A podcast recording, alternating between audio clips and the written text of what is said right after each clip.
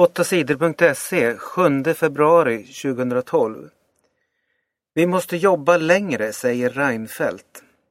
Statsminister Fredrik Reinfeldt vill att svenska folket ska arbeta längre. Reinfeldt säger att människor måste göra sig beredda på att arbeta och tjäna pengar längre än vad som är vanligt idag. Idag slutar många jobba och tar pension vid 65 års ålder.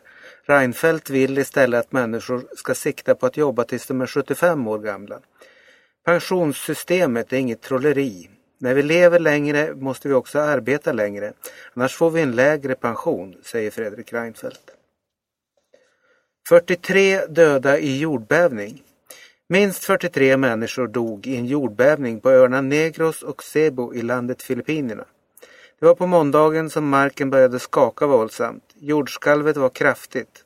Det mättes till 6,8 på Richterskalan. Massor av hus rasade. Jordbävningen satte också igång jordskred som begravde många hus. Räddningsarbetarna tror att dödssiffran kan komma att stiga. Spanjo eh, Contador dömd för dopning. Spanjoren Alberto Contador är en superstjärna i cykel. Nu blir han avstängd för dopning och missar sommarens OS-tävlingar i London. Contador får inte tävla på två år. Det är en ledsam dag för cykelsporten, säger Pat McQuaid, ordförande i det internationella cykelförbundet. Contador åkte fast i ett dopningstest under tävlingen Tour de France år 2010. Han hade dopat sig med ämnet klenbuterol. Contador säger att han fått i sig ämnet av misstag när han ätit kött. Fler granater över staden Homs. Striderna i Syrien fortsatte på måndagen. Regeringens soldater sköt massor av granater mot staden Homs. Det regnar bomber över oss, sa en man i staden Homs till nyhetskanalen Al Jazeera. Minst 50 människor dödades under måndagens attack. De senaste dagarna har fler än 300 människor dödats, det säger rebellerna i Homs. Rebellerna kallar sig den fria syriska armén. Regeringen kallar dem för terrorister. USA och EU-länderna vill att FN ska tvinga Syriens ledare Bashar al-Assad att lämna makten. Men Kina och Ryssland stoppade ett sådant beslut i FNs säkerhetsråd. Ryssland och Kina skyddar en regering som dödar tusentals människor. Det är obegripligt och oförlåtligt, säger Storbritanniens ledare David Cameron. Gävle är billigast för studenten. Gävle är den billigaste staden att bo i för studenter. Det visar en ny undersökning som gjorts av Svensk Fastighetsförmedling. En student som bor i bostadsrätt i Gävle betalar 4 500 kronor i månaden för mat och husrum. För studenten som hyr en lägenhet blir det en tusen, tusenlapp till i månaden.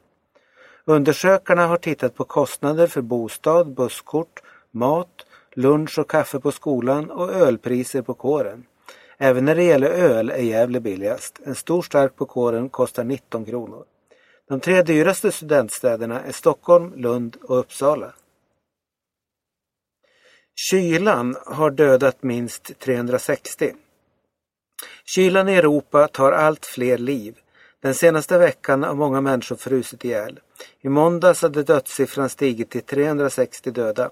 Uteliggare och missbrukare i länderna i östra Europa har drabbats hårdast. I Ukraina har minst 130 människor frusit ihjäl. Man skadades svårt i snöras. En man drogs med i en lavin i Tändalen på måndagen. Mannen begravdes under snön. Han hittades och grävdes fram ur snömassorna. Mannen är anställd vid Tändalens fjällanläggning. Han fördes med helikopter till sjukhuset i Östersund. Mannen är svårt skadad. Ny storstrejk i Grekland. Grekerna strejkar igen. På tisdagen började landets två största fackförbund en 24 timmar lång strejk. Facken protesterar mot den grekiska regeringens sparande. Grekland måste spara, annars får landet inte något nytt nödlån av EU och Internationella valutafonden IMF. IMF-chefen Paul Thompson säger att Grekland bland annat måste sänka lägstalönerna från 750 euro till 600 euro. Semestertillägg och pensioner måste också sänkas. Men de grekiska fackförbunden tycker att sparandet blir för hårt. Därför strejkar de i protest mot sparkraven. Poliser strejkar i Brasilien. I förra veckan började poliserna i den brasilianska delstaten Bahia att strejka. Poliserna vägrar att gå till jobbet om de inte lovas högre löner. Det finns 30 000 poliser i Bahia. En domstol i Brasilien har sagt att strejken är olaglig. Några tusen militärer har åkt till Bahia för att tvinga poliserna att jobba igen. På tisdagen hade 4 000 poliser låst in sig i Bahias parlamentshus. Militärerna stod utanför och hotade att tvinga ut dem med våld. Strejken har skapat stora problem i Bahia. När så många poliser inte jobbar händer det nästan ett mord varje timme. Dessutom är det snart karneval i Bahia. Schyman skäller på vänstern. Vänsterpartiet har två män i toppen. Jonas Sjöstedt är partiledare och Aron Etzler är partisekreterare. Det gillar inte partiets förra ledare Gudrun Schyman. Hon tycker att partiet inte längre kan kalla sig feministiskt. Två män ska leda ett feministiskt parti. Det blir lite skrattretande. Vänsterpartiet bidrar till gubbröran, säger Gudrun Schyman. Ung flicka svårt knivskuren. En flicka i tioårsåldern blev på måndagen knivskuren i halsen. Det hände i Bergsgårdsskolan i Hjällbo i Göteborg. Flickan kördes till sjukhus med kniven sittande kvar i halsen, säger en polis.